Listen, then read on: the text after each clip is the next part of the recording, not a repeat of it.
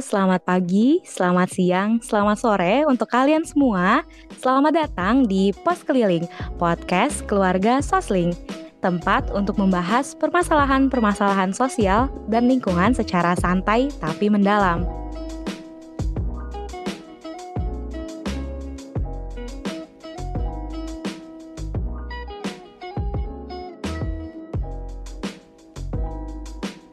Nah, balik lagi nih sama gue Mita di pos keliling edisi bulan Agustus 2021.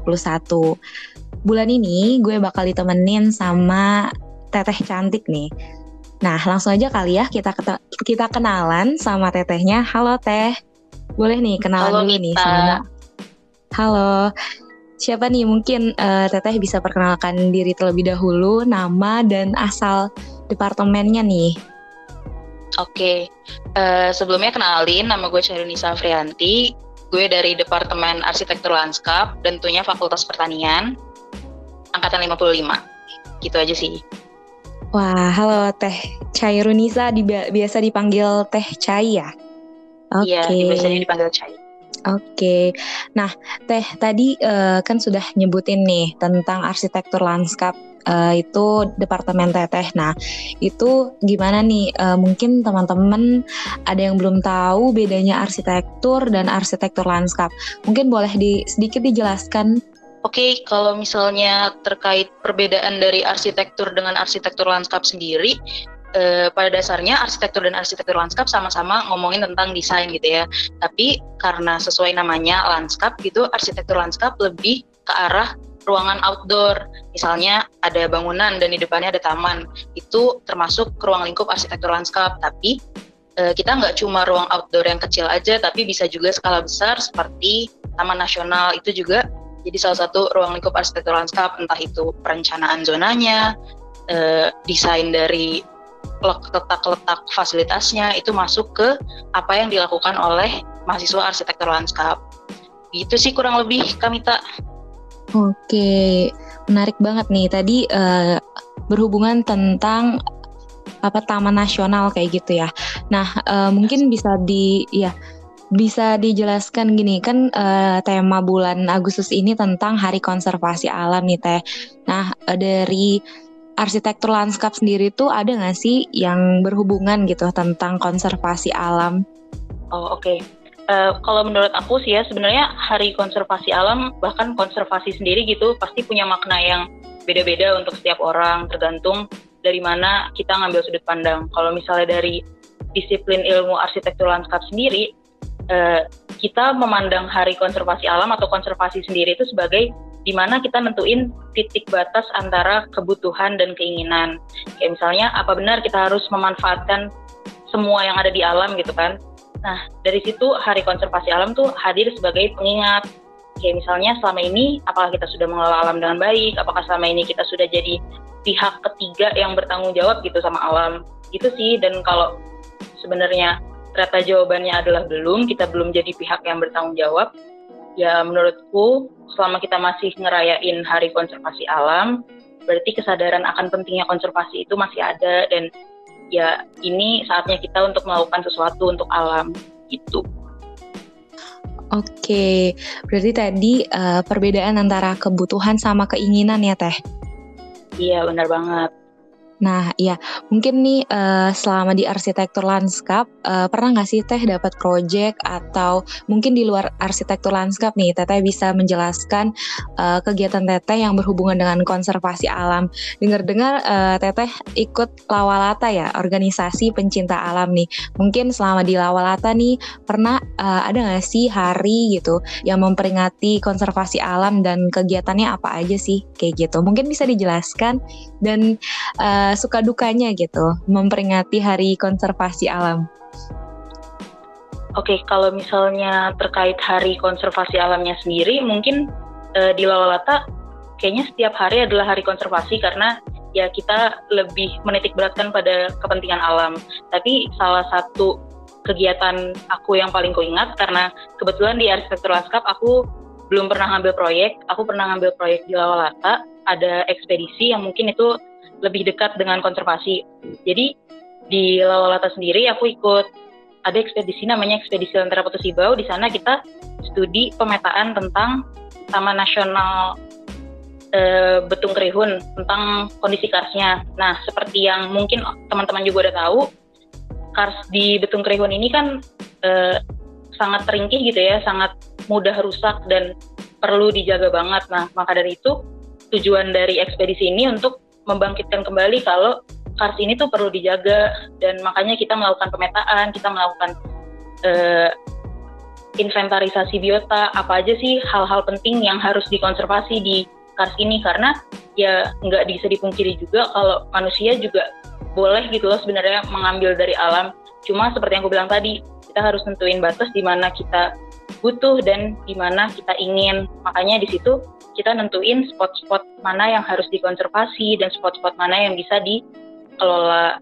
Dan jalan tengah dari itu semua hasil ekspedisiku itu terkait ekowisata itu kira-kira.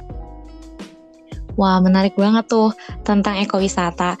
Mungkin uh, dari hasil kan tadi Teteh uh, melakukan konservasi ya. Itu apa sih Teh? Maksudnya uh, output gitu. Selain ekowisata itu apakah dari segi dari segi landscape-nya itu lebih baik atau dari misalkan ada laporan oh jadi uh, makin baik atau di sana uh, tadinya sumber airnya nggak ada atau tadinya nggak bisa dibuat jalan karena ringkih nah mungkin uh, setelah melakukan konservasi itu apa sih yang didapat sama warga sana ataupun uh, lanskap di sana tuh kayak gimana teh? Oh iya jadi uh, sebenarnya kan emang ekspedisi itu hanya untuk sebagai basis data ya. Dan ketika kita selesai melakukan ekspedisi dan kita lakukan pelaporan tentang titik-titik mana yang harus dikonservasi dan titik mana yang bisa dimanfaatkan, pihak Taman Nasional sempat menanyakan kembali tentang perencanaan lanskapnya. Kira-kira eh, bagaimana perencanaan lanskap yang baik di sana dan bagaimana pengelolaan lanskap yang optimal untuk diterapkan untuk masyarakat di sana gitu. Nah, kalau misalnya dari segi yang tadi ditanyakan oleh Mita sendiri, di sana kita juga eh, memetakan sumber air. Jadi ternyata karena kars itu memang daerah atasnya kering tapi di dalamnya ada sungai yang sangat jauh di dalam tanah gitu ya, kita memetakan sungai-sungai itu dan sungai mana gitu yang masih aktif dan bisa dimanfaatkan oleh masyarakat sana. Jadi itu akan bermanfaat untuk masyarakatnya juga. Selain itu karena di sana ada proyek pembangunan jalan yang tadi uh, juga berhubungan terkait yang aku ekowisata, di sana itu juga bisa meningkatkan uh, pendapatan dari warganya warga-warga masyarakat sana di mana mereka bisa memanfaatkan goa-goa atau keindahan atau bentukan lanskap yang lainnya sebagai objek wisata dan masyarakat di sana itu. Kita berikan edukasi juga tentang pentingnya menjaga lingkungan kita melakukan edukasi tentang PLH di sana pendidikan lingkungan hidup dari anak-anaknya. Terus kita harapannya juga anak-anak ini bisa menularkan kepada orang tuanya. Itu sih kurang lebih. Wah, ternyata kegiatannya juga ada uh, edukasi ya seperti itu. Nah, mungkin Teh bisa dijelasin juga nih uh, apa sih kesulitan dari konservasi dari sebuah lanskap gitu?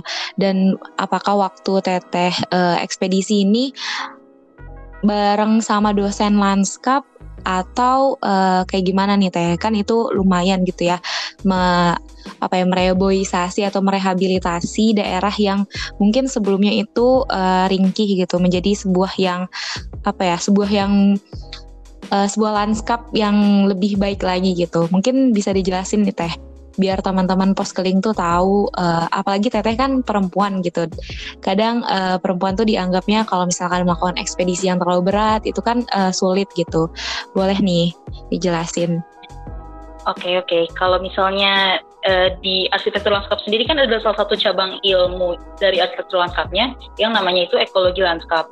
Nah di ekologi lanskap itu kita belajar kalau dalam sebuah perencanaan kawasan sebelum dia jadi kawasan kita harus mempertimbangkan untuk meminimalisir fragmentasi lanskap yang akan menimbulkan kerusakan, terutama dalam hal biodiversitas gitu kan. Nah, fragmentasi itu bentuknya bisa kayak yang tadi deforestasi, pembukaan lahan gitu-gitu. Karena ketika sebuah lanskap itu terfragmentasi, gangguan dari luar itu dipercaya lebih mudah masuk ke dalam core atau inti dari si lanskapnya sendiri dan bisa mengganggu keseimbangan ekosistem yang ada di dalamnya. Akibat dari itu, kalau sebuah ekosistem terganggu, diversitas yang ada di dalamnya yang harusnya punya wilayah jelajah yang lebih luas, kayak hewan-hewan gitu, mereka akan keluar dari matriks lanskapnya, dari habitat aslinya, akibatnya mereka bisa ke pemukiman. Kalau misalnya uh, hewan-hewan buas gitu ya, itu kan akan menimbulkan kerugian untuk manusia juga. Tapi kalau misalnya dari segi ekspedisiku, uh, kita memetakan itu untuk memastikan kalau kalaupun ada pembangunan jalan atau ada aktivitas lain yang hmm, mungkin bisa mengganggu dari lanskapnya, bisa memfragmentasi lanskap karsnya sendiri, itu bisa diminimalisir dan bisa apa ya tetap menjaga bentukan lanskap dari si karsnya ini gitu yang sebenarnya bisa jadi potensi yang lebih baik kalau dimanfaatkan secara berkelanjutan gitu. Kalau misalnya terkait dosen sebenarnya nggak ada ya cuma karena tadi ku bilang eh, dari Taman Nasional sendiri sebenarnya mengharapkan ada langkah lanjutan berupa perencanaan lanskap, kemungkinan sebenarnya ini akan ku masukkan juga untuk opsi penelitian akhirku begitu. Jadi baru dibicarakan ke dosen sih untuk ini. Wow, mantap mantap. Itu uh, berarti tantangannya nih teh. Tadi uh, teteh belum jawab. Apa sih tantangan terbesar teteh gitu? Mungkin teteh kan perempuan gitu.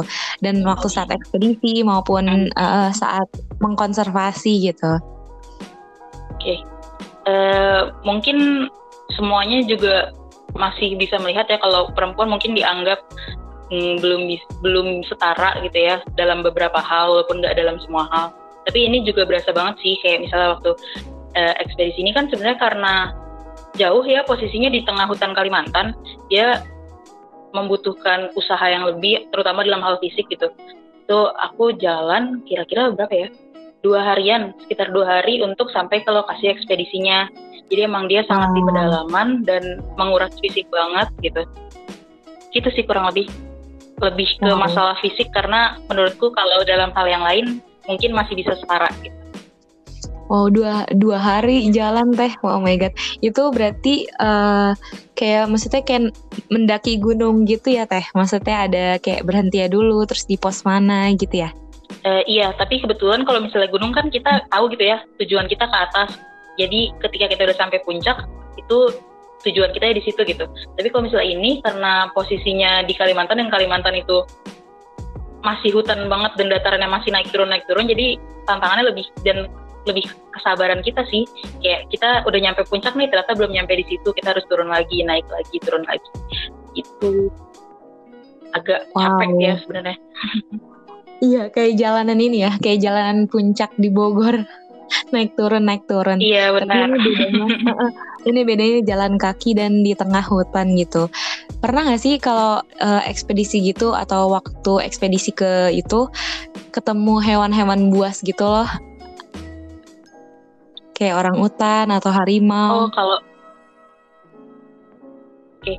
kalau selama berkegiatan dan di ekspedisi itu sebenarnya nggak pernah ketemu hewan yang face to face gitu ya sama hewan buas, tapi beberapa kali nemu jejak dari entah itu macan atau apa tapi yang jelas itu kucing berbadan besar gitu beberapa kali ketemu jejak kucing berbadan besar beberapa kali ketemu jejak beruang tapi nggak pernah face to face sih kalau monyet karena jenis kera-keraan menurutku nggak terlalu buas kita beberapa kali ketemu dan mereka nggak menghampiri tapi cenderung menghindar gitu dari kita.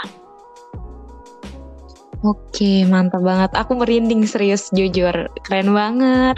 kayak, kayak uh, maksudnya naik gunung aja tuh adalah sebuah tantangan gitu. Apalagi ini jalan di tengah hutan dua hari, terus jalan eh, jalannya naik turun gunung. Wow, keren banget. Keren banget sih. Nah, Teh mungkin uh, bisa dijelaskan lagi nih secara lebih rinci tentang kegiatan Teteh di Pecinta Alam. Karena kan uh, hari ini adalah Hari Konservasi Alam. Apalagi sih kegiatannya selain ekspedisi tadi yang mengkonservasi alam gitu yang ada di Kalimantan. Mungkin di Lawalata apalagi yang pernah uh, Teteh lakukan gitu jadi bicara tentang Lawalata gitu ya. Kalau misalnya iya, di Lawalata sendiri, kita kalau di Lawalata sendiri sebenarnya iya benar iya. kalau di Lawalata sendiri sebenarnya eh, gue lebih sering melakukan penelitian sih ya karena emang kalau boleh gue mention basicnya Lawalata itu adalah scientific adventure jadi gimana kita mengemas kegiatan adventural atau kegiatan-kegiatan yang fisik banget gitu ke dalam sebuah penelitian atau kegiatan yang juga melibatkan pemikiran gitu. Nah, gue udah berapa kali ya? Dua kali, hampir tiga kali penelitian di Lawalata. Yang pertama itu yang tadi gue bilang terkait Kars di Betung Kerihun. Yang selanjutnya itu gue pernah juga Kars juga itu di Taman Nasional Gunung Halimun Salak. Dan yang selanjutnya gue akan tentang Kars lagi, tapi di situ Cipiit di Sukabumi. Tapi itu belum terlaksana, niatnya akhir bulan ini. Nah, kalau misalnya sebenarnya kalau bicara tentang kegiatan lawalata, kira-kira kayak gitu sih. Kita lebih ke gimana sih caranya kita uh, menyalurkan passion kita di bidang biha, di bidang adventural. Jadi suatu hal yang bermanfaat juga gitu. Ada outputnya ada hasil studinya bisa dimanfaatkan untuk masyarakat bisa dimanfaatkan oleh pemerintah bisa dimanfaatkan untuk kepentingan orang banyak dan tentunya kepentingan alam. Tuh kita bisa juga selain studi mungkin kita bisa juga penanaman pohon kalau misalnya sederhananya atau pemetaan wisata. Itu kan nggak terlalu yang ilmiah banget cuma itu juga ada uh, manfaatnya gitu ya untuk alam kurang lebih begitu Oke, mantap. Berarti udah mau ketiga kalinya ini ya melakukan ekspedisi dan itu uh, kayak lumayan gitu. Nah, uh, Teh, Mungkin ini uh, kayaknya harusnya sebelumnya ditanyain nih. Mungkin aku penasaran nih, apakah Teteh masuk Lawalata itu karena arsitektur land, karena sebagai mahasiswa arsitektur lanskap yang ingin mengembangkan diri atau dari awal tuh udah uh, apa ya, udah Lawalata banget gitu. Dan arsitektur lanskap itu adalah salah satu pilihan karena Teteh uh, kayak apa ya, uh, pengen banget uh, uh, apa ya, kayak mendalami gitu pekerjaan yang berbau alam gitu mungkin bisa jelasin nih teh uh, ada nggak sih hubungan arsitektur lanskap dan keinginan teteh untuk masuk lawalata nih? Oke, okay. uh, kalau sebenarnya dari SMA sendiri aku orangnya orang yang suka berkegiatan di luar ruangan gitu ya dan dulu juga sebenarnya sebelum masuk arsitektur lanskap dan memutuskan pilihan di arsitektur lanskap, aku sempat tertarik ke arsitektur karena aku juga punya passion di bidang desain. Tapi aku pikir-pikir lagi, kalau bisa menggabungkan antara desain dengan kegiatan di outdoor, kenapa enggak? Akhirnya aku pilih arsitektur lanskap. Dan kalau soal tadi Mita nanya, apakah ada latar belakang karena aku mahasiswa arsitektur lanskap, makanya aku masuk Lawalata, itu ada banget. Jadi, eh, kalau misalnya di Lawalata, kan sebenarnya lebih banyak sudut pandang konservasi gitu ya dan aku merasa sudut pandang sudut pandang itu perlu juga kuserap untuk di bidang arsitektur lanskap ini. Nah dari dua pendekatan itu kan sebenarnya beda ya pendekatan lanskap dan pendekatan konservasi. Tapi aku mau nge-mix keduanya sampai pada titik di mana aku bisa menghasilkan sesuatu yang benar-benar seimbang antara kepentingan alam dengan kepentingan manusia. Di mana kepentingan manusia aku dapatkan dari eh, pendekatan lanskap dan pendekatan sosial lanskapnya sendiri dan kepentingan alamnya aku dapatkan dari eh, pendekatan konservasi yang aku dapatkan dari Lawalata itu lebih untuk menyokong nantinya profesiku sebagai lanskap, arsitek lanskap sih agar tidak off track gitu. Takutnya aku malah jadi perusak lingkungan gitu kan Oke, berarti kayak apa ya alarm gitu ya, sama-sama menyeimbangkan antara ARL atau arsitektur lanskap sama uh, lawalata gitu ya Teh. Iya bener banget Mita. Oke nih, mungkin karena udah uh, waktunya udah cukup 20 menit lebih nih nggak kerasa kita ngomong eh, ngobrol-ngobrol. Mungkin Tete bisa nih closing statement uh, apa sih yang kita bisa lakukan gitu sebagai manusia, sebagai mahasiswa yang uh, bisa kita lakukan untuk menjaga alam itu tetap lestari gitu dan apa gitu langkah kita langkah kecil kita gitu. Boleh nih Teh sekalian closing okay. statement. Oke okay, oke. Okay. Uh, prinsipnya gini sih, kalau aku percaya bahwa kalau kita ngejaga alam, ya alam akan ngejaga kita. Dan kalau ke alam kita tuh nggak bisa pakai prinsip take and take, tapi kita harus give and take. Bahkan kalau bisa ya give and give gitu. Kita nggak nggak mementingkan apa yang kita ambil dari alam, tapi kita kasih terus untuk alam. Nah, terus terkait yang aku bilang tadi, kita semua tuh punya, aku yakin kalau kita semua punya kesempatan yang sama untuk menjaga alam dan tindakan paling kecil yang paling utama yang harus kita lakukan itu ya meyakinkan diri kalau posisi kita di sini tuh untuk menjaga alam. Karena alam itu cuma titipan, cuma tanggung jawab yang harus kita pikirkan gimana cara ngelolanya, gimana keyakinan itu, menurutku ke sana sananya akan ngikut gitu. Apa pun yang kita lakukan kita akan selalu mengikut sertakan kepentingan alam di dalamnya. Nah sebagai mahasiswa mungkin e, kalau kita udah mem menanamkan prinsip itu kita akan selalu mengikut sertakan kepentingan alam di dalam apa pun yang kita lakukan. Knowledge kita tentang itu akan kita manfaatkan sebagai sesuatu yang bermanfaat untuk alam. Jika nantinya kita memutuskan untuk berada di front row penyelamatan alam gitu ya. Misalnya kita bisa melakukan kampanye mandiri atau mungkin kita bergabung dengan komunitas-komunitas penyelamatan alam. Itu bisa kalau kita nantinya memutuskan untuk ada di front row penyelamatan alam. Tapi kalau kita ada di middle atau back row, back row itu juga nggak apa-apa. Kita bisa tidaknya memastikan kalau apa yang kita lakukan itu nggak akan membuat alam ini rusak. Misalnya kalau kita mengunjungi tempat wisata, kita akan jadi pengunjung yang taat. Ketika kita jadi petani pun kita akan melakukan aktivitas-aktivitas pertanian yang low yang bad impact-nya tuh sedikit gitu dan lebih banyak manfaatnya untuk lingkungan. Kira-kira begitu sih. Oke, mantap. Tadi aku yang uh, aku highlight nih mungkin kita tuh kalau ke alam itu lebih give uh, give dulu baru tag gitu ya. Wow, mantap sekali Teh Chai. Oke, mungkin uh, itu aja kali ya ngobrol-ngobrol kita spesial tentang Hari Konservasi Alam. Semoga pendengar setiap pos keliling ini lebih mencintai alam karena kita cuma punya satu bumi kita dan alam kita maka kita harus jaga dan hargai kalau kata Teh Chai tadi kalau bisa give and give and give. Tapi kalau belum bisa give and take gitu. Oke gitu aja. Pos keliling edisi bulan Agustus 2021 sampai ketemu